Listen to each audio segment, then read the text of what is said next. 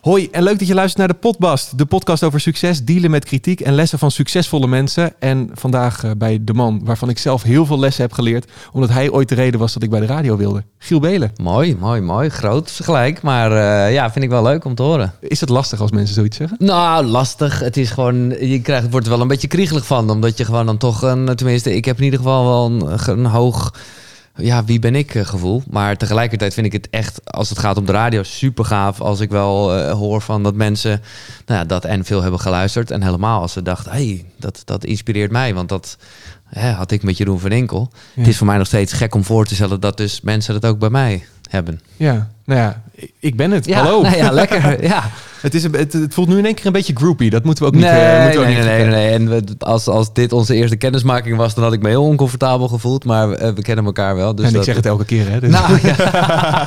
Ga door, ja. Ja, nee, de, de laatste tijd doe je ook veel interviews. En het valt me op dat het eigenlijk veel over hetzelfde gaat. Het gaat over je spirituele Mm. reis. Het gaat over Mm. wat voor stoute dingen je allemaal op de radio hebt gedaan. Ja. Ehm, eh, over de, ja, goed, de, de ophef. Dus ik wil je eigenlijk een kleine uitdaging geven. Ik heb hier een envelop met een Ja? briefje erin. Dan Ja? mag je een onderwerp opschrijven waarvan je hoopt dat die voorbij komt.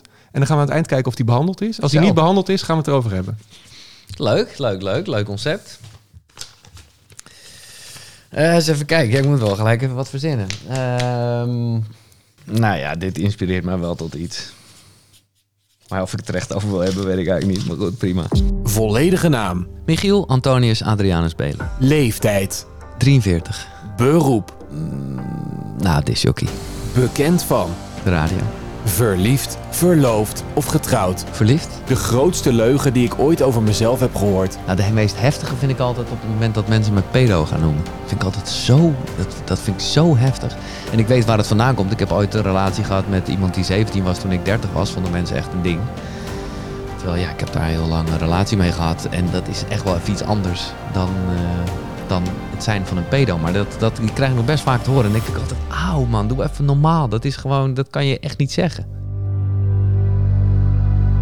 Wat was voor jou de allereerste keer dat jij in aanraking kwam met radio? Nou ja, dan was ik echt te jong om nog te snappen wat het was. Dus dat was eh, een jaartje of zes, zeven. Eh, toen ik een wekkerradio had, waar los van een eh, vreselijk geluid ook radio op zat. En dat je dan aan die knop draaide en dat je dan even ruis hoorde en dan kwam er weer iets. Ja, dat, dat, en eigenlijk vind ik dat nog steeds, dat eh, ja, is iets magisch, ja. En wat, wat luisterde je toen? Weet je nog je eerste moment dat je dat bewust deed? Nou, nee, want dat is nee, want dat, ik weet gewoon letterlijk niet zo heel veel van voor mijn zevende. En daar was dit wel. eh, ik weet vooral dat ik naar gepraat, dat dat me echt fascineerde, omdat ik, ja, dan hoorde je echt mensen en dan was ik gewoon benieuwd hoe die mensen dat deden, wie ze waren. Ik snapte natuurlijk helemaal niet echt waarover het ging. En ik vond het gewoon super spannend, omdat als je dus gewoon het heel zacht zette en je oren erop legde, dan hadden je ouders niet door dat je radio aan het luisteren was. En dan kon je gewoon, ja, uiteindelijk viel ik altijd wel in slaap, maar kon je gewoon heel lang aan die knop blijven draaien en naar stemmen luisteren. Ja. En wanneer was het moment dat jij dacht, dit wil ik ook? Nou, dat ontstond wel een beetje in die tijd. eh, samen met het feit dat eh, de buurjongen, waar ik gewoon altijd mee speelde, zijn vader bij een piraat werkte. En dat vond ik ook wel gewoon spannend. Want een piraat, eh, ik had natuurlijk net als iedereen nu, eh, of, ja, niet de radio nerds, maar een associatie met iemand met een ooglapje. Maar dat was het niet. Nee, dat heette dan zo. Op het moment dat het een stiekem radiostation was, niet helemaal legaal. Nou ja, super spannend. En die combinatie zorgde ervoor dat ik dacht, ja, ik ga radiootje spelen. En ehm, dat deed ik toen ook. Heel veel apparatuur verzamelen. Het maakte niet uit of het het deed of niet. Als het gewoon een apparaat was, dan kon het onderdeel zijn van mijn fictieve radiostudio. Later nou ja, werd dat wel ietsjes beter dat het ook werkte, zeg maar. En toen speelde ik radiootje. Ik woonde in de Dekkerstraat en dat was Radio Dekker. En dat, dat radiostation bestond in mijn hoofd en dus bestond het. En daar heb ik heel veel uren radio gemaakt met die buurjongen, maar ook zeker wel zonder. En eh, we gingen bijvoorbeeld in, het, eh, in, de, in de vakanties gingen we marathon-uitzendingen doen. En nou ja, En dat was het begin van jouw glansrijke carrière so far. Ik heb hem geprobeerd samen te vatten. oh Zet de koptelefoon op. Ja, En ik ben nou, daar benieuwd- gaan we. Een stukje zelfbevlekking, mensen. Giel Belen wordt op 25 mei 1977 in Haarlem geboren als Michiel Antonius Adrianus Belen. Als kind wil Michiel boer worden, maar al snel ontwikkelt hij een liefde voor radio die ook zijn klasgenootjes opvalt. Dat ze mij mengpaneel noemden, dan wilden ze me dan eh, mee treiteren. Nou, ik vond het helemaal te gek. Ook zit hij op ballet en hij is zelfs zo goed dat hij naar het conservatorium mag. Maar dat wil Michiel helemaal niet. Hij wil naar de radio en hij start bij een kinderprogramma bij de lokale omroep van Haarlem. Hier verandert hij zijn naam ook in Giel met een G, omdat er nog een Michiel Belen werkt. Maar Giel wil meer dan de lokale omroep. Hij stuurt een demo naar Radio 3 en mag de nachtopleiding in. Giel is een unieke verschijning en hij valt op. Niet alleen doordat hij zich altijd compleet in het roze kleedt, maar ook door de dingen die hij doet. Hij wordt verschillende keren ontslagen en sommige omroepen willen niets meer met deze man te maken hebben. Maar toch houdt hij zijn doel voor ogen. Hij wil de ochtendshow gaan presenteren. Giel krijgt de kans om dit bij Jorin FM te gaan doen en hij vertrekt bij Radio 3.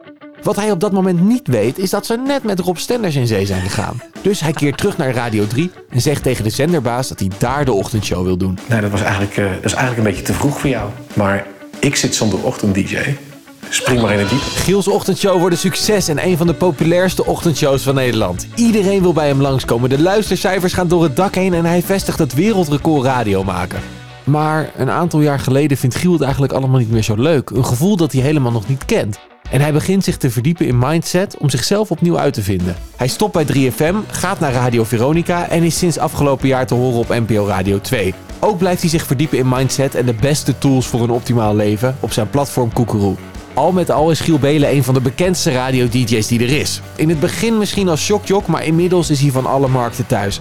Hij heeft radio- en tv-programma's op zijn naam staan, maar ook evenementen, awards, talentenjachten, een roast, een documentaire en zelfs een eigen meditatiekussen. Het enige dat misschien nog mist is Giel, de musical. Oh my god. Ja, dan moet ik bij Q Music gaan werken. Dan maken ze hem natuurlijk wel. Eh, mooi, eh, Bastiaan. Echt eh, heel vet. Heel erg vet. Hoe zou Giel de musical openen? Je zit in de zaal. Nou, doe even gaan normaal. open. Doe even normaal. Nou ja, dan, zou, dan zouden die doeken, dat zou dan een soort vagina zijn. Waardoor ik dan gewoon als baby, dan zouden... Nee, maar dat, nee. Gelijk weer een beetje Dat, eh, on the edge. Nou ja, dat leek me dan, eh, als je dan toch een musical doet, doet dan ook echt fout. Maar nee, dat, dat zeker niet. Ehm, want, want zo, weet je, ik heb nu toevallig een boekje uit, maar eh, zo'n, echt zo'n boekboek, als in biografie, nou, ik zeg nooit nooit, maar ik kan me dat soort dingen niet voorstellen. Het is al helemaal geen musical eigenlijk. Nee, maar on- ondanks dat heb je wel een documentaire, onder andere. Ja, maar dat wilde ik ook niet. Daar heb ik echt veel gedoe mee gehad. Mark de Hond, eh, rest in peace. Wat een goede gast. Maar ik heb hem ook gehaat. Omdat hij, die ging die documentaire maken. En ik wilde dat helemaal niet. Eh, dus ik heb ook echt wel heel veel mensen opgebeld en gezegd... eh, doe niet mee. Maar ik was iets wat laat, want hij was al best ver in het proces.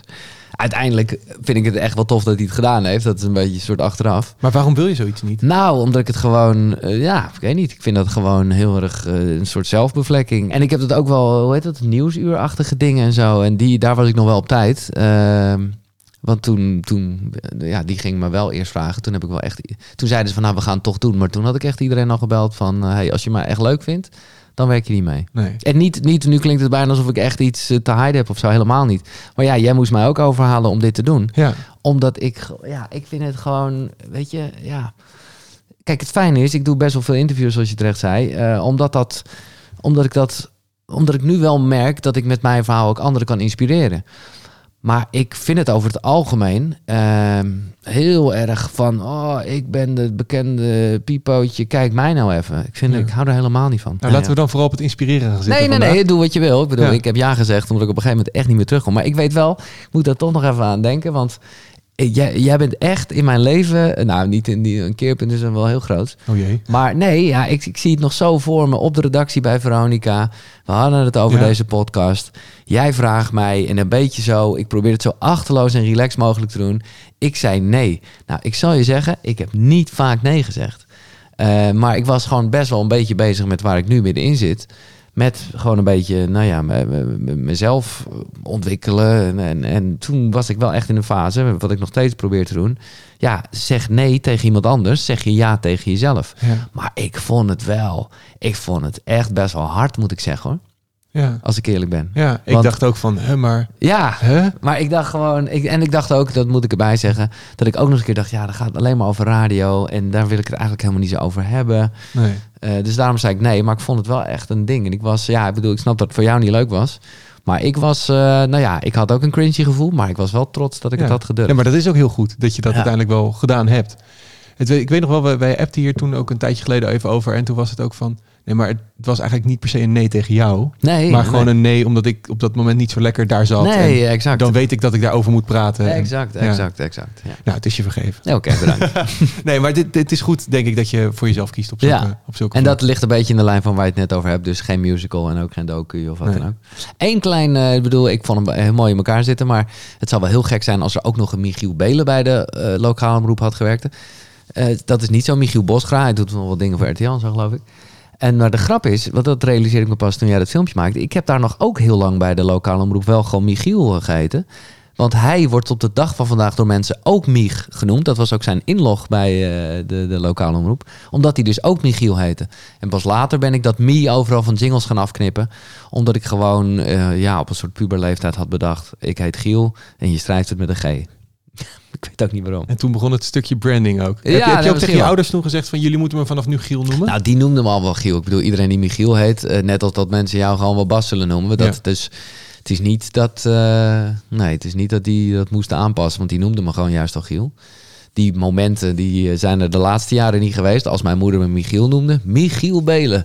Dan wist je, oh shit. Ja. Dan is er echt iets aan de hand. Jouw droom ooit was om bij de bakker herkend te worden vanwege je stem. Ja, klopt. En dat was ook wel gelijk eh, het leuke eraan dat ik dacht. En voor de rest weet niemand wie je bent en maak je gewoon lekker radio. En dat, eh, dat veranderde heel erg. Want deze droom, nou dan hebben we het dus echt een beetje over de tijd waarin we het net hadden. Hè, dus ik was net een beetje bij Haarlem 105 begonnen en zo. Ehm, alleen ja, de radio veranderde en daar heb ik zelf driftig aan meegeholpen moet ik zeggen. Qua dat er ineens ook wel een gezicht bij was. Hoe, hoe is dat als die droom in één keer verandert? Nou ja, dat is, dat, dat is gewoon zo. Ik heb nog wel, ik heb nog één keer, daar ben ik best wel trots op. Ik heb nog op één keer heb ik wel echt eh, misbruik of gebruik van kunnen maken dat niemand wist hoe ik eruit zag. Toen zat ik wel al echt smiddags, dus dat was, nou ja, de, van, ik zat smiddags van 2 tot 4. Edwin Evers was net naar 538 gegaan. En eh, toen kwam Napster net in, dus dat is, eh, nou ja, de voorloper van alle downloaddingen en later streamingsdingen. En ik was daar heel erg eh, een pleidooi van aan het houden. Want ik dacht, mensen, muziek, je kan het gratis downloaden, helemaal te gek. Platenmaatschappijen waren echt boos op me. En dit werd nieuws. En ik werd gevraagd door het 8 uur journaal. En die gasten, dacht ik, en was ik zo, die, ik dacht, ja, ze vragen mij omdat ik daar smiddags zit. Maar ze hebben geen idee hoe ik eruit zie. Dus toen heb ik eh, op het Mediapark een hele lange pruik eh, gehuurd. Echt eh, ongeveer tot aan mijn voeten. Tegen collega's gezegd, jongens, gewoon normaal doen, niet vaag. en ik heb daar heel serieus heb ik al antwoord gegeven op al die vragen. Maar wel als een soort hippie dus. Met, nou ja, ik heb nu ook lange haren, maar toen was het nog veel langer. En ja, dat heb ik dan de volgende dag kon ik dat eh, pas vertellen van jongens, ik zat in het 8 uur journaal, zo zie ik er helemaal niet uit. Maar ja, dat is nu niet meer voor te stellen, want toen kwam er een website en foto's en, en, en camera's in de studio. Nou, ik vond het alleen maar leuk om daar mee te experimenteren. Alles voor het radioprogramma. Dus ja, wat ik zeg, ik heb er driftig aan meegeholpen om het, eh, ja, om het ook te verkloten als het daarom gaat. Maar als ze jou dan vragen, dan komt er gelijk zo'n idee van... oké, maar wacht, misschien weten ze helemaal niet wie ik ben. Laat ik gelijk er even mee gaan testen. Ja, en ik moet eerlijk zeggen, want ik dacht dat zij het ook wel leuk vonden. Dat was gewoon nog wel een naïviteit. Want zij vonden het echt niet tof eh, achteraf. Omdat zij zeiden van het acht uur journaal, weet je wel, het instituut heeft gewoon, eh, ja, maar ja, ja, ik bedoel, de inhoud klopte. Ja. Nee, maar dat, dat heb ik altijd wel. Dat ik gewoon wel denk van, oké, wat kunnen we daar even, ja, wat, wat, wat, wat kunnen we ermee dat je niet verwacht? Of dat gewoon, ja. Ja. Hoeveel mensen hebben toen tegen jou gezegd... gast, jij gaat er echt niet komen met dit gedrag? Nou, dat eh, is wel veelvuldig gezegd. Ik bedoel, in je introductie zat ook dat ik ontslagen was en zo eh, werd. En, en zeker die eerste keer was dat wel. Ja, nou ja, het is gewoon datgene wat, waarvoor ik eh, leef of zo. Zeker toen voelde dat nog heel erg zo. En op het moment dat je dan thuis zit, omdat je ontslagen bent, ja, dan, dan, poeh, dan weet je het zelf ook even niet meer. Nee. En dat was wel voor mij ook een soort realisatiemoment dat ik me echt, want ik ging, ik, ja, ik kon ook niet thuis zitten, dus ik ben gewoon wel naar Hilversum gegaan. Daar was een beetje awkward kijken van, eh, ja, maar je, je bent ontslagen. hè? Ik zei, ja, maar ja, wat ga ik doen? Thuis zitten. Toen ben ik stage gaan lopen bij 3FM Nieuws, was net begonnen en allemaal dingen. Eh, omdat ik gewoon dacht, ja, dan kan ik in ieder geval nog aan het product radio bijdragen. En dat was ook op dat moment eh, wat ik me wel had bedacht. Zo van, oké, misschien ben ik dan niet de disjockey eh, die ik wil, eh, die, die ik zelf in gedacht heb, want dat, dat kan blijkbaar niet. Maar dan, en dat was wel een soort afweging, dan had ik wel besloten van dan maar niet. Maar niet dat ik ineens alleen maar ging vertellen hoe laat het was en heel snel weer een plaat te draaien. Maar het is in die tijd wel veel gezegd, ja, god nou. Eh, wa- waarom werd het bijvoorbeeld gezegd? Nou, omdat mensen zoiets hadden van dit, eh, dit kan niet, weet je wel. Zeker toen, ik heb wel de indruk dat het een beetje vanaf is, maar zeker toen eh, vonden mensen dat als je in de media verscheen, dat je heel erg een voorbeeldfunctie had.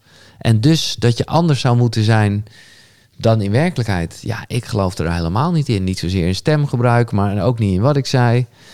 Maar dat was toen zeker nog niet eh, wat heel veel mensen vonden. Nee. Ook niet die er werkzaam waren. En dat waren dan toch ook wel mensen die er verstand van hadden. Maar aan de andere kant ook. eh, en dat, ja, ik moet zeggen, wat dat betreft koester ik dus juist wel heel erg die Mark de Hond documentaire. Omdat hij heeft Paul van der Lucht daar ook geïnterviewd. Die, en, en dat De oude ik- zenderbaas. de oude zenderbaas. En ik vind het wel echt tof om zijn visie daarop dan nog eh, later te kunnen zien. Want het zijn maar die gesprekken die voel, je, die voel je niet zo snel. Maar hij heeft me wel echt, als ik ontslagen werd, dan gaf hij me wel weer een kans. Weet je wel? Er waren ook wel degelijk mensen die erin geloofden. En die wel ook heel streng konden zijn hoor. Want zo, ik, Paul was echt ook vaak streng. Maar dat was wel allemaal in dienst van je kan beter worden. Ja. Dus er is toch een vertrouwen. Ze hebben dan toch iets gezien in je. Er waren er absoluut. Nee, want zonder bepaalde mensen eh, eh, kom je er niet. Hè? Nee. Ik bedoel, iemand als Jan Steeman. Nou, dat is echt een oude radioheld. Die, die- dat was de man die mijn eerste cassettebandje van Haarlem 105 eh, beluisterde. En zoiets had van, nou oké, begin maar een keer s'nachts. Die ging mij laatst nog een keer appen dat hij weer s'nachts nu naar Radio 2 aan het luisteren was. Ja, vond ik echt heel tof. Maar dat zijn wel, ja, je, je moet het altijd wel hebben van mensen die een kans geven. Ja. Ja, want je hebt toen dat bandje opgestuurd op een gegeven moment naar, naar 3FM ook. Of Ja. Radio 3 toen. ja. En ehm, wat ze zeiden was, dit is leuk, kom maar bij ons zitten. Ja, nou, laat ik het nu, want het klinkt allemaal heel erg uh, roze geur. Ik had, kijk, Wim Richter was een Haarlemse disjockey. Ik kende hem helemaal niet hoor, moet ik eerlijk zeggen. Maar hij had wel bij de lokale omroep van Haarlem gezeten, ver voordat ik er zat. En hij zat nu bij Radio 3. En er was dan eh, eens per jaar de luidelijke uitzending. En daar kwam hij wel eens. Dus ik dacht gelijk, oh, dat is die gast. eh. Dus of vroeg ik of ik een keer mocht meekijken midden in de nacht. Nou, dat mocht allemaal. Mocht ik een keer een doorstart maken. Dus twee plaatjes achter elkaar draaien. Ja. En eh, ja, dus ging ik hem ook een bandje geven. Bij het eerste bandje zei hij, eh, nee, nee, nee, is nog niet goed genoeg. Het tweede bandje, ik geloof dat hij dat wel aan Jan Steeman heeft gegeven, dat weet ik niet echt. Ik weet dat het derde bandje, dus het tweede bandje voor Jan Steeman, dat was uiteindelijk reden voor een gesprek. En toen ja, was er het concept Pyjama FM, waarbij je, nou ja, op z'n kortst twee maanden, dus dat zijn acht uitzendingen, uh, hè, van het één keer per week mocht doen. En dan werd dat al dan niet verlengd. En dat, uh, dat ging lekker. In de zin van dat het gewoon een paar keer verlengd werd. Op een gegeven moment kwam er zelfs een uitzending bij. Nou ja, dat was top. Want weet je nog het eerste moment dat je die studio binnenliep bij het grote Radio 3 toen? Ja, ja, ja. Nou, dat weet ik juist dus nog goed. Omdat ik, daar, omdat ik jaren daarvoor met Wim was meegegaan. Dus ik wist precies, oké, okay, dan ga je door die klapdeurtjes. En dan hadden we nog twee studio's. En uh, ja, ik weet het nog heel goed, ja. Die, die begint ook te stralen. Ja, omdat ik er echt lang niet aan gedacht heb. En, en nou, toen zat ik dus van vier tot zes. Zat ik nog voor Edwin Evers. En nou ja, de, de, de Tros kwam toen nog uit een eigen gebouw. Dus die kwam echt een beetje in een soort Twilight Zone waarbij er niemand was. En uh, nou ja, wat ik het meest spannende vond, was wel dat ik, nou, ik had gewoon wel besloten, want dat had ik geleerd bij de lokale omroep, gewoon jezelf zijn. Dus ook gewoon benoemen dat je zenuwachtig bent en jezelf gewoon even voorstellen. Ja, en dan gebeurt er iets wat nog nooit gebeurd was, namelijk je noemt een telefoonnummer en dan gaan beginnen lijnen te knipperen. Nou, dat ja, uh, was bij de lokale omroep niet of nauwelijks gebeurd. Dus daar ben ik toen ook, nou, gelijk al die eerste uitzending, maar sowieso in die weken daarna, vol mee bezig geweest. Van oké, nu heb ik echt interactie, nu ben ik echt verbinding aan het leggen. Want al die jaren daarvoor, en dat is ook nog steeds radio, maar was ik vooral, nou ja, of ik nou in mijn zolderkamer zat of bij de lokale omroep, ja, dan ben je alleen maar aan het zenden. En eigenlijk weet je niet uh, of er iemand luistert. Jij begon je ook compleet in het roze te kleden compleet Giel, dat was Giel. Ja, dat was maar dat was wel echt ook, dat was niet iets, uh, dat heeft niet zoveel met de radio te maken. Ik weet dat uh, dat, dat over het algemeen wel echt gezegd wordt alsof dat bijna een soort marketing was. Of wat ja, zo klinkt het wel. Ja, maar juist liep ik op school eigenlijk. Dat was veel meer. Dus nee, dus dat was daarvoor eigenlijk al. Op de middelbare school, toen ik nog helemaal niet bij 3FM zat natuurlijk. En was al echt roze mijn ding op veel vlakken was jij toch anders dan de rest. Inderdaad, met het roze. Uh, nou ja, goed, wat ook wel vaker wordt gezegd. Jij hebt ballet gedaan. Goed ja. ballet okay, gedaan nou, Oké, oké. we, we, oh, hebben, we, we, hebben hem. Ja, het zat al in het intro. Dacht ik al, ja, je hebt je zo goed voorbereid. Maar dat was meer de ballet. Oké, heel fijn. Yes, ballet bingo. Ja, ballet. Nou, valt het hele item in elkaar. Zo ja. top. Ja, nee, ja, prima. nee, maar dat, dat heb je dus ook gedaan. Je was zo goed dat je naar het conservatorium mocht. Ja. Um, jouw stem is uh, anders dan de gemiddelde Ja. radiostem. Het, het, is niet de Gerard Ekdom, Nee, hele nee. diepe goedemorgen. Klopt. Ehm, heb je wel eens afgevraagd, is dat wel wat voor mij, omdat ik zo anders ben?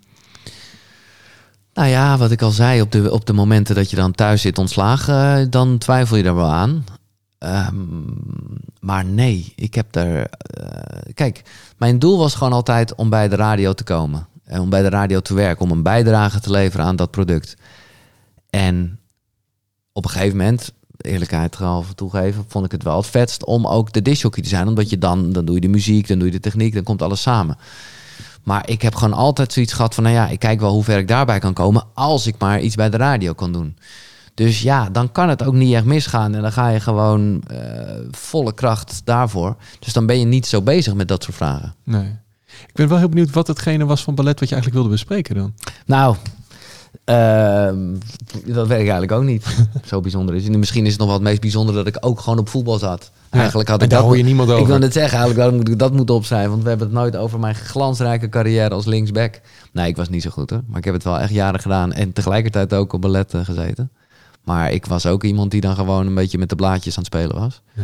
En, eh, en, maar ik, en ik, was, ik was eigenlijk een hele aanrelaxte voetballer. Maar dat hoort je, hoor je een beetje te zijn als linksback. Gewoon mensen onderuit halen. We, we hadden het net ook even kort over dat je dan ontslagen werd. Ja. Wat was de eerste keer dat jij ontslagen werd?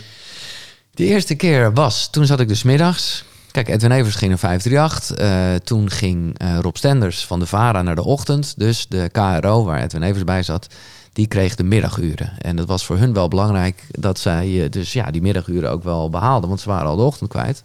Dat best wel een ding is. Paul van der Lucht had gezegd, nou ja, eh, dan moet je Giel nemen. Nou, en ik had gesprekken met hun. Het waren goede gesprekken. Want ik dacht zelf ook wel de KRO. Ja, maar ja, goed, ik ben katholiek opgevoed, dus dat zei ik ook. Ehm, maar ja, ik kwam uit de nacht en eh daar waren best al wat dingen gebeurd. Dus ik, eh, nou, dat is wel duidelijk om gewoon eh, aan te geven dat je, nou noem het maar, spraakmakende radio maakt. Nou, dat was ook precies wat ze wilden. Daar staat de KRO voor. Vragen stellen, durf, weet ik wat. Nou, dat bleek toch eigenlijk al vanaf uitzending 1 totaal toch eh, geen match. En ik moet ook zeggen, dat is wel de tijd dat ik de meest geforceerde radio heb gemaakt.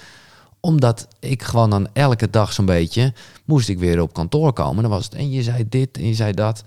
Ja, daar word je dus automatisch heel recalcitrant van. En eh, dus het, dit was absoluut geen match.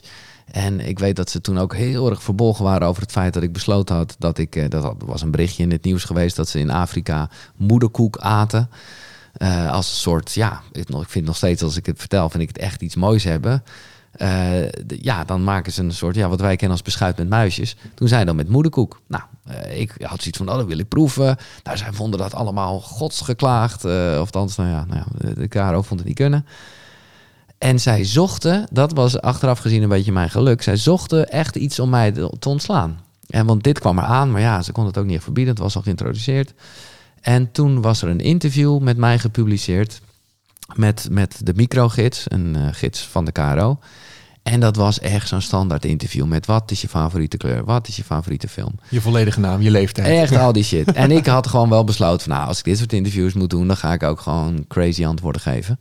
Eh, Dus ik weet nog dat ik werd teruggebeld door die journalist. En die zei, ja, 10 sluts 4. Ik kan het niet echt vinden, die film. Ik zei, nou, ga maar eh, zoeken. Het is echt... eh, En bij het boek, en dat was op zich niet eens een heel fout... Ja, dat was een fout antwoord, maar... Had ik gezegd eh, de Bijbel, dat ik dat meest indrukwekkende boek vond. En eh, Mijn Kamp, omdat ik het toch wel interessant vond om het werk van een geestelijk gestoorde te lezen. Dus ik vond het een leuke combinatie, eh, de Bijbel en Mijn Kamp. En ik weet nog dat ik dus weer op kantoor moest komen na een uitzending. En ik dacht nog, nou, ik zou niet weten waar het dit keer voor was, als ik eerlijk ben. En toen was het zo van, werd die gids zo naar voren geschoven. En heb jij dit gezegd? Dus ik lees gewoon het interview. Ik denk nog, ah, 10 sluts 4 staat er gewoon. En ik, zie- en ik lees ook gewoon over die boekenvragen heen. Ja, ja, dat klopt. Nou ja, dan ben je ontslagen. En ik was echt met stomheid geslagen. Ik zei, hoezo? Nou ja, mijn kamp kon helemaal niet. Zat ook gelijk iemand van personeelszaken bij. En dat was gewoon, bam, klaar. Toen daarna kwam Iwan nog, de man met wie ik toen veel werkte. Eh, nou ja, da- da- daarna ook met de ochtendshow. Is echt, nou ja, wij samen maakten, maakten wel de show, zou je kunnen zeggen. Hij was niet te horen, maar wel echt ja, belangrijke guy en ook wel een mentor.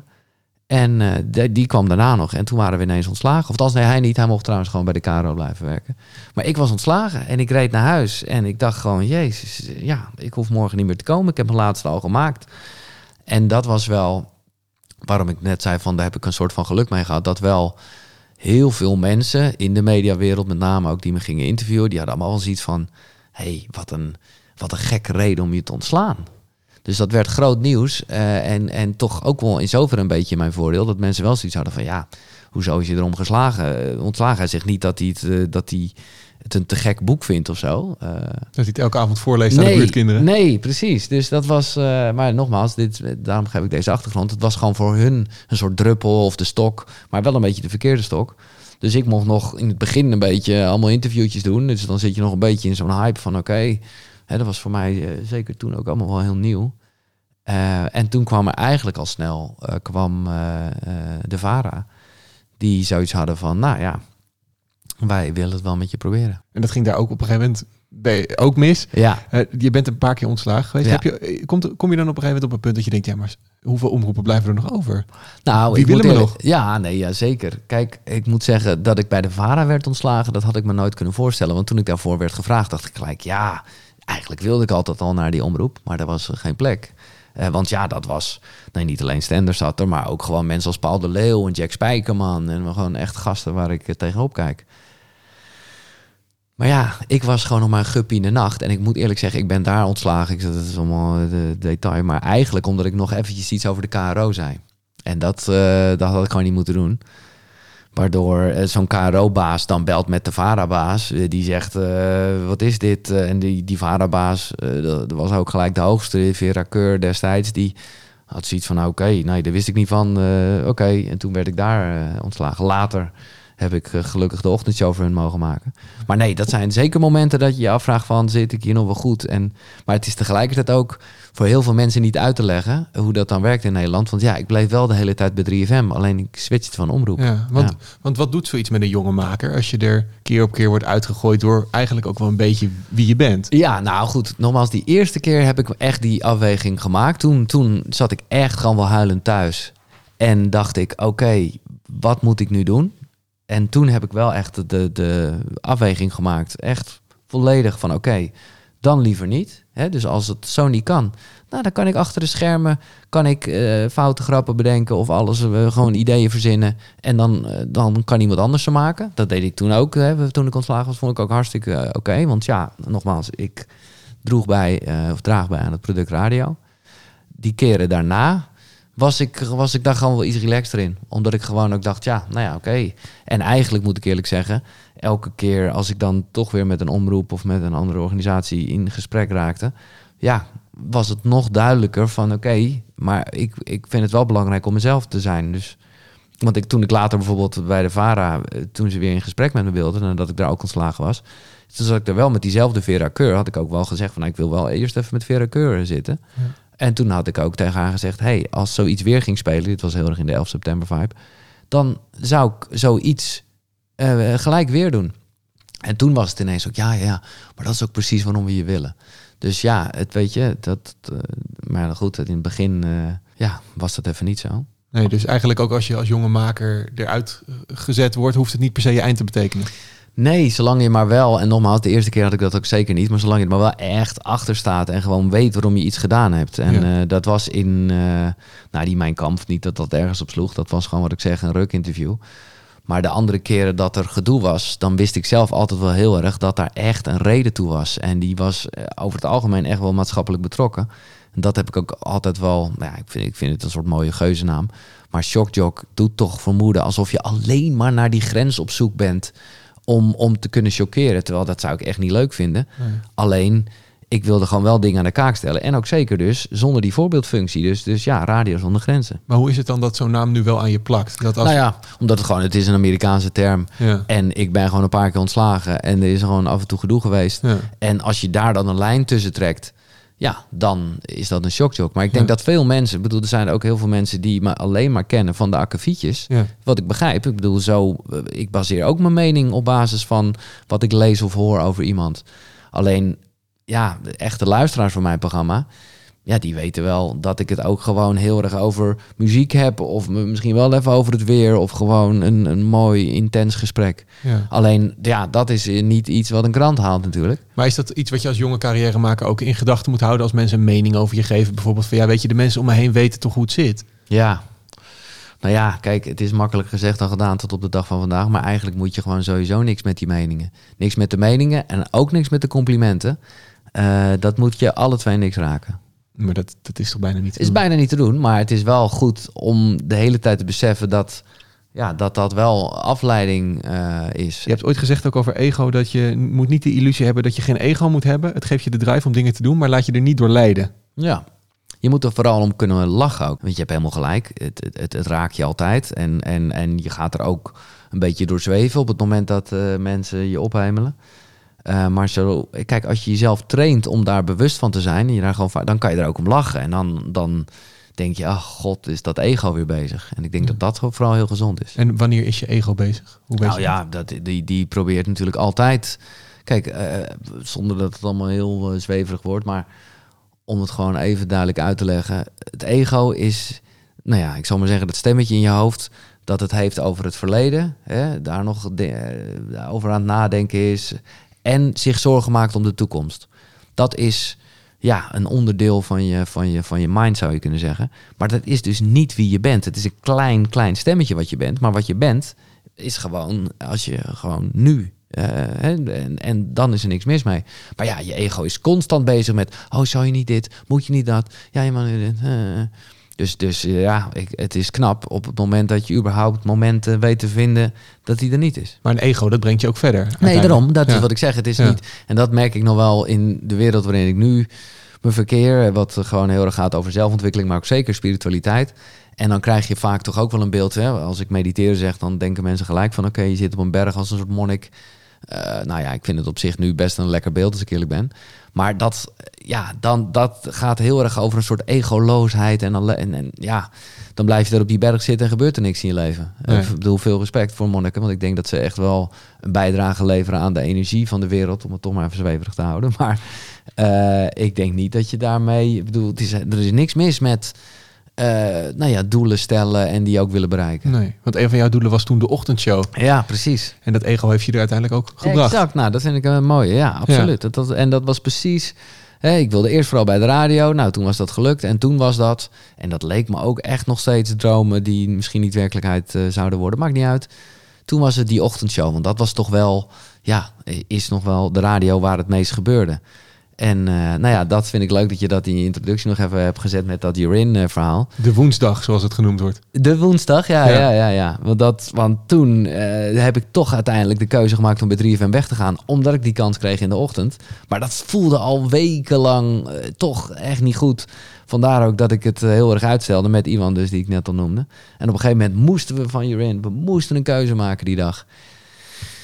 Nou ja, oké, oké. Wij hadden twee loodjes trekken. Oké, we gaan het doen, want die ochtend willen we toch wel heel graag doen.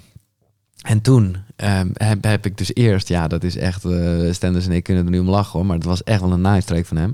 Want ik ja, deed gewoon de verkeerde volgorde. Ik dacht gewoon, ik ga eerst de mensen zeggen die ik ga verlaten. Iemand als Florent, eh, de, de, de zenderbaas en, en mijn BNN-Vara-baas.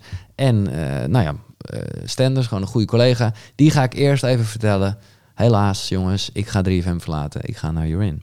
En wat- Stenders gewoon gedaan heeft, die heeft, want hij nam niet op. En hij heeft die voicemail van mij gehoord. En hij heeft gewoon gedacht, oké, ik ga nu snel schakelen.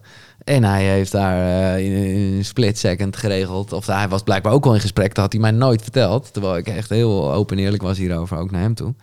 Toen heeft hij eh, snel zijn kans gegrepen. Ja, ik, bedoel, ik lach erom. Want het heeft mij uiteindelijk opgeleverd dat ik de ochtendshow op 3FM mocht doen. Dus dat was precies wat ik eigenlijk wilde. Ja, want je zat toen bij, bij de zenderbaas op kantoor. En toen zei je, weet je, joh, ik wil terugkomen, maar ik wil die ochtend.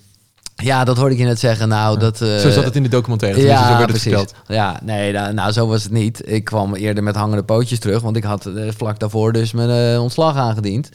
Maar Florent was, ja, had gelijk, en dat was het ook, van ja, het is nog wel vroeg. Maar ja, er was ook niet echt alternatief. Nee. Dus het was heel erg in de categorie, het kan alleen maar fout gaan. En eh, ja, dat viel toen heel erg mee.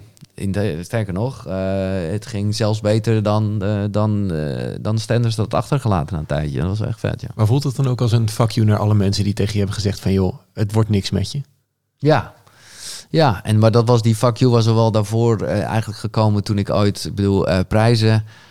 Ja, het is precies waar we het net over hebben. Dat, dat moet je niet door laten leiden. Maar ik weet wel, de allereerste Marconi Award, de, de aanmoedigings, hoe noem je dat? Talent. Aanstormend talent. Aanstormend talent. Dat was, dat weet ik nog wel echt. Dat ik toen ook gewoon bijna buiten mezelf op dat podium stond en zei: hey, de radiorevolutie is begonnen. Omdat ik dat ook echt zo voelde van juist al die gasten die hadden gezegd van nou, dit kan echt niet wat je doet. En dan krijg je een prijs voor wat je doet.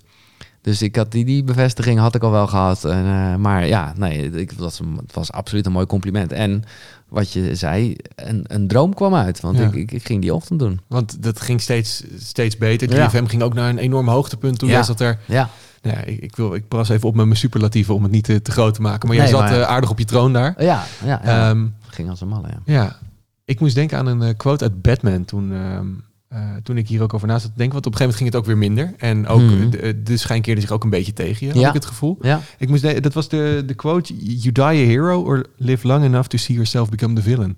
oké. En vertaal die eens even, want ik ben heel slecht in Engels. Nou, eh, dus je, je, eh, of je gaat dood als, eh, als held, dus je stopt op je hoogtepunt. Of Oh, je, ja, je leeft lang genoeg om eh, te zien dat je zelf de slechterik wordt. In jouw geval van, Ja, die was vroeger wel leuk, hè, maar nu heeft hij het niet meer. Ja.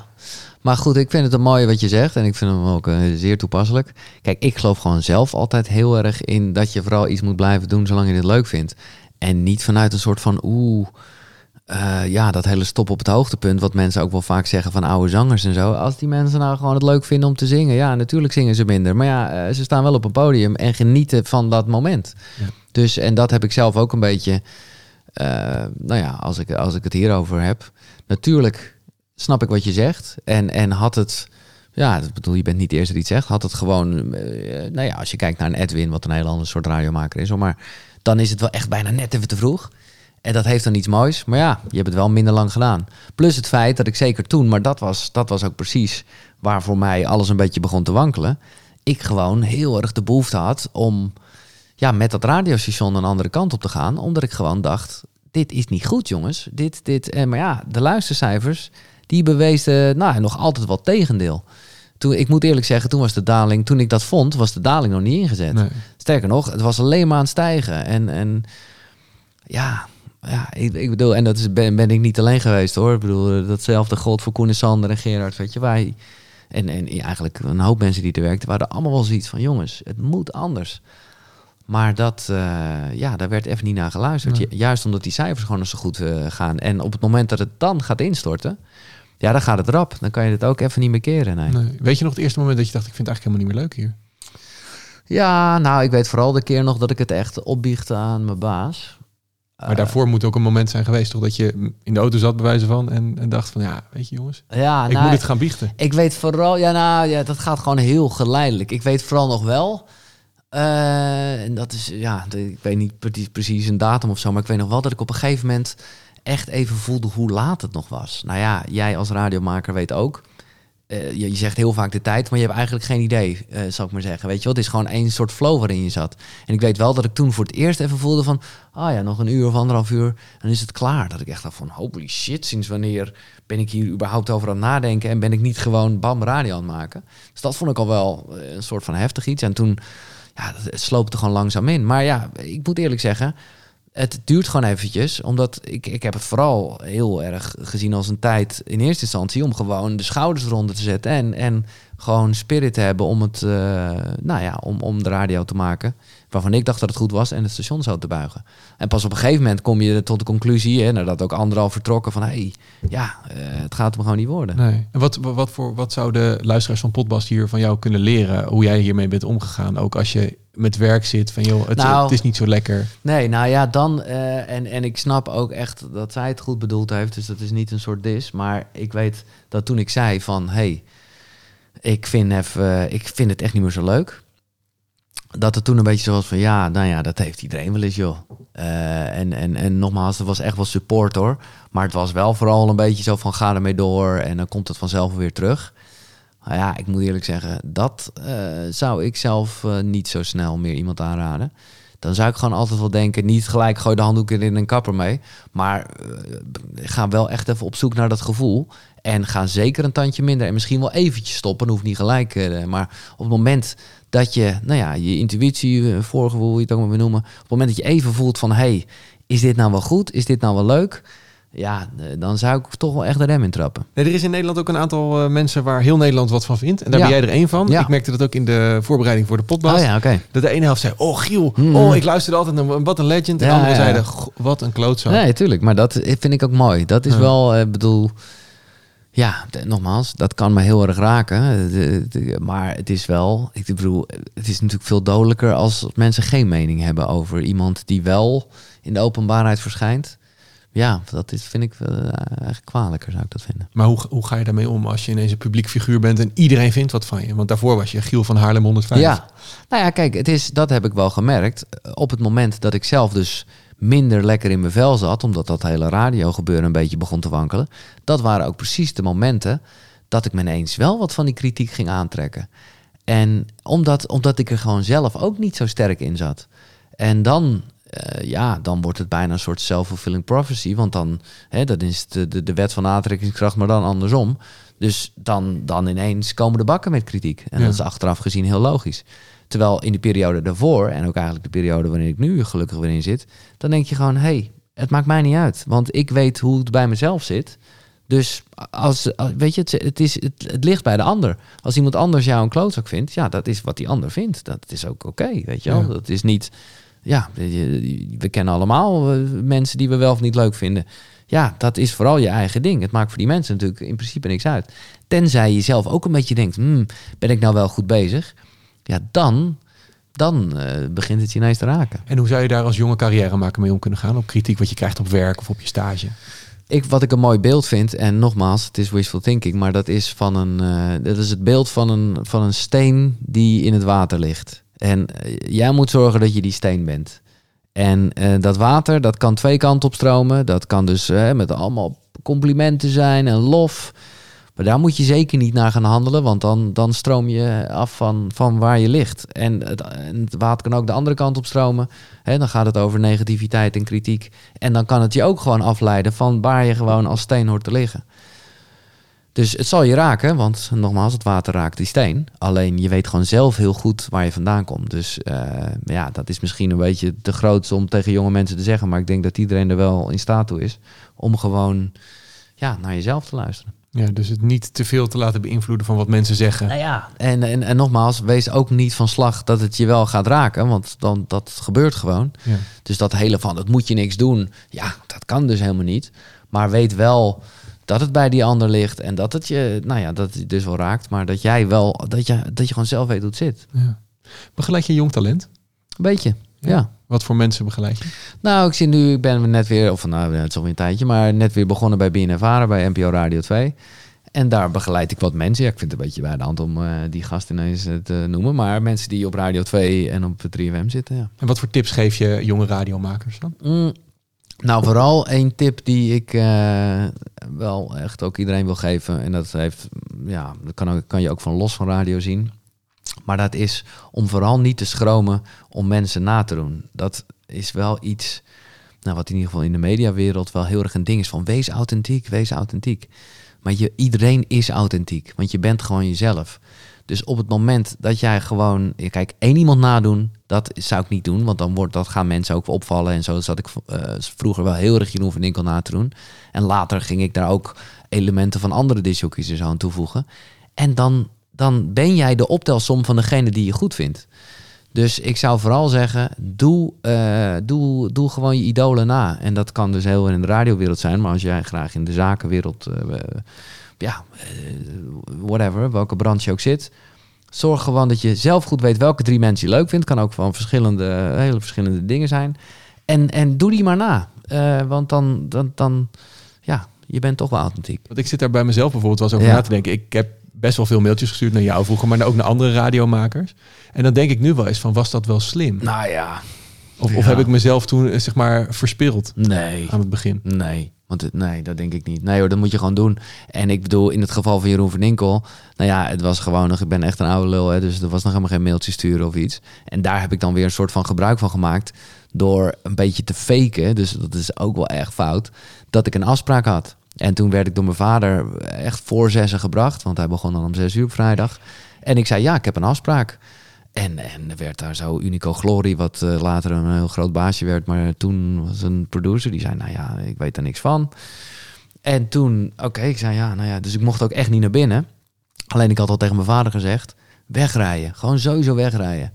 Want er gingen nog geen treinen. Dus ik zei alleen maar, oh, mag ik dan wel hier beneden wachten tot de eerste trein is? Ja, ja, dat is goed. En toen kwam er een van de baasje. En die zag mij daar zo zitten, zo'n klein jochie. En die zei, oh, nou, ik ga wel even kijken. En, eh, vervolgens mocht ik dus toch uh, bij Jeroen van Inkel zitten. En ben ik dus nooit meer uit de studio gegaan. Dus nee, je moet juist schaamteloos zijn en gewoon uh, mailen, uh, DM, weet ik veel wat. Ja. gewoon doen. Nee, ik dacht dus namelijk dan altijd op zo'n moment dat ik dacht, ja, kut. En dan, dan werk je nu met bepaalde mensen die je dan Nee, vroeger... Dat En, is toch juist wel grappig, ja. ja, het laat misschien ook een soort passie zien. Dat is Ja. ook misschien wel weer zo. Maar... Ik, weet, ik vind het altijd een mooi verhaal. Eh, Sander de Heer, eh, die ook veel bij de radio gedaan heeft. Daarvan is het verhaal dat hij op de zwarte lijst stond bij 538. Oftewel, die, had gewoon, die belde gewoon te vaak. Nou, dat, ik vind dat mooi. Ja, dan, dat is toch gewoon, ja, dan wil je toch gewoon heel graag. Ik heb jou heel veel vragen gesteld, maar er is ook een vraag voor je van een eerdere potbastgast. Oké, ja. Die ook een goede vriend van jou is. Hey Giel. Hey Gerard. Ja, en eh, Bastiaan natuurlijk. Ik eh, doe dit even om aan te geven dat ik ook wel degelijk heel sportief ben. en eh, tijdens het hardlopen deze vraag voor jou bedacht. Want Giel, stel je nou voor, tijd doet er niet toe, plek ook niet. Je mag terug naar één specifiek moment in jouw lange radiocarrière. Eén moment. Waar zou je dan heen gaan? Waar is dat? Vroeg ik mij ineens af. Nou ja, leuk. Lollige vraag?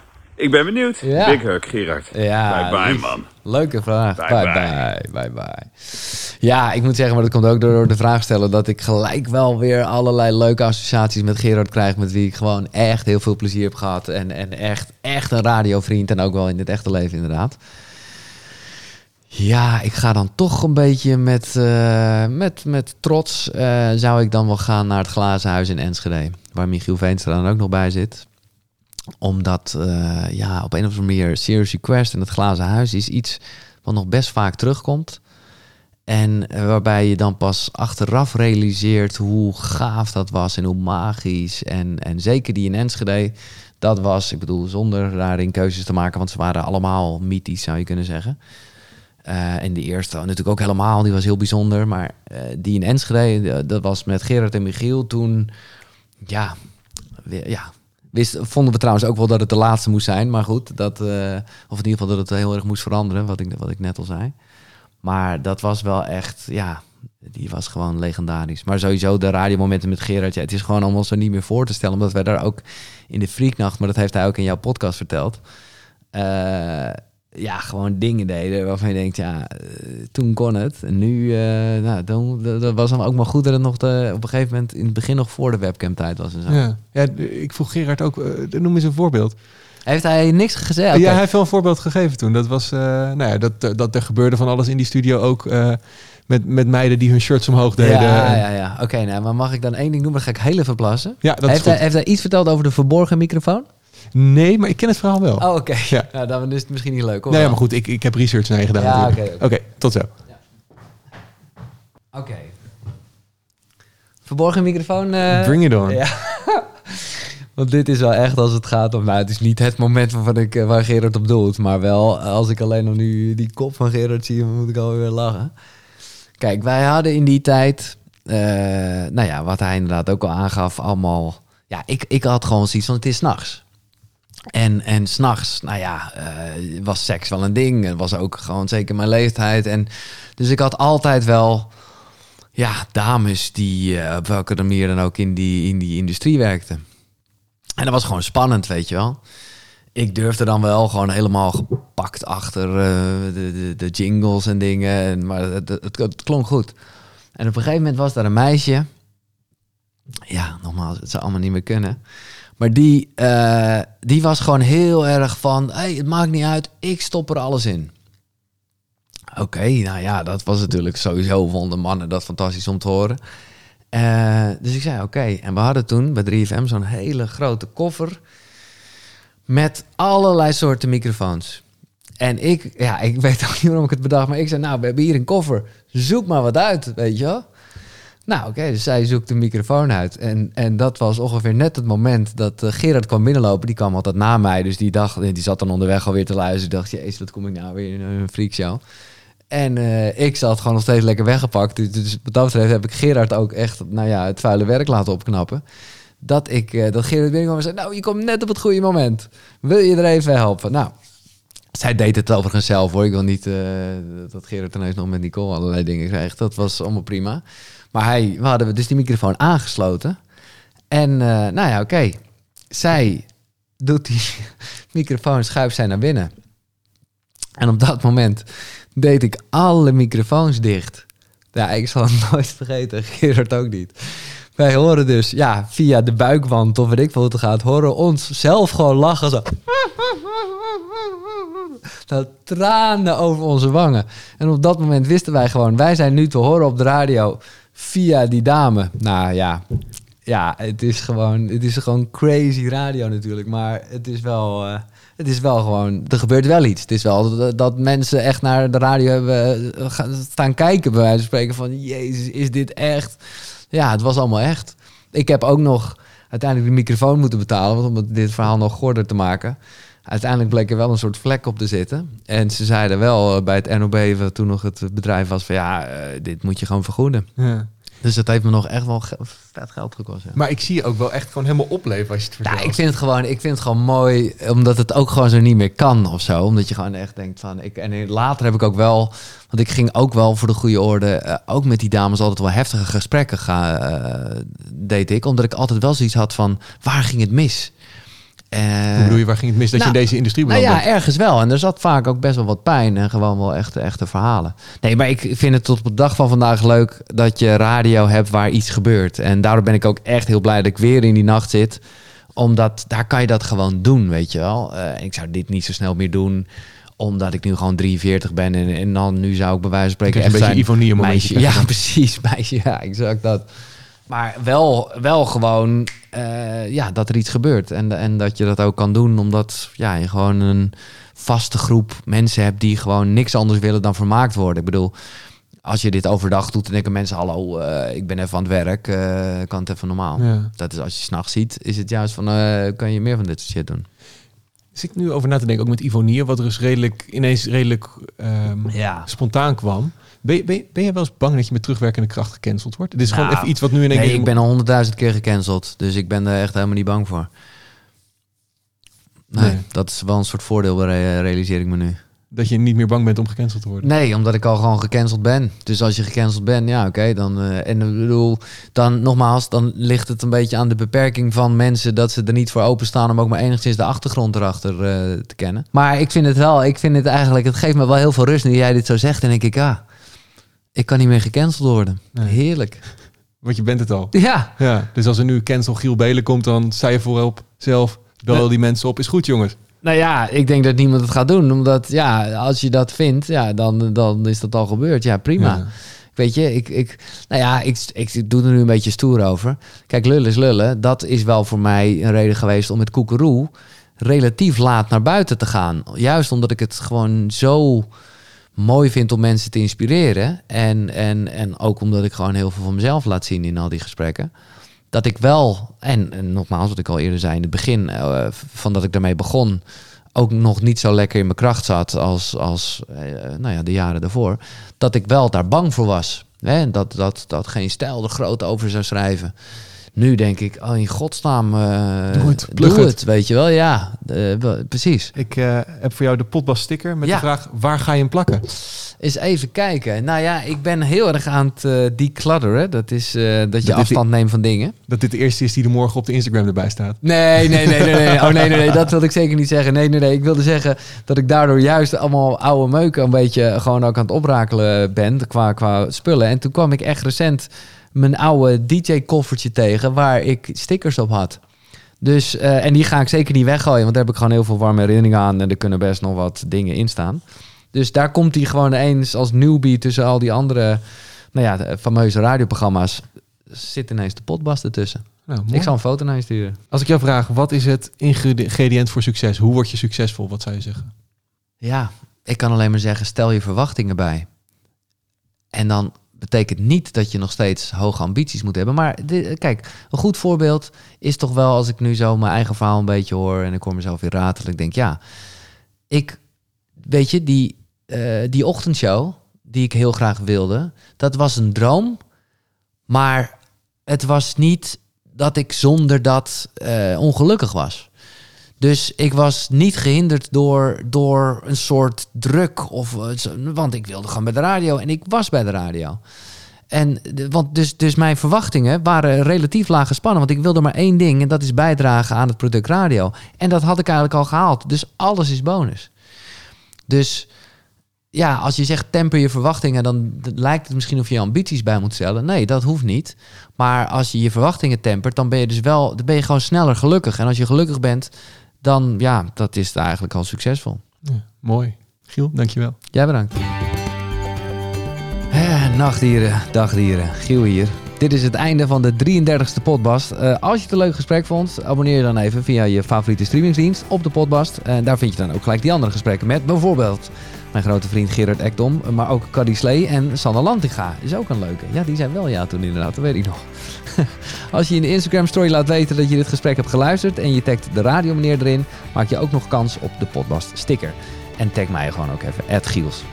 Eh, en geniet van het leven.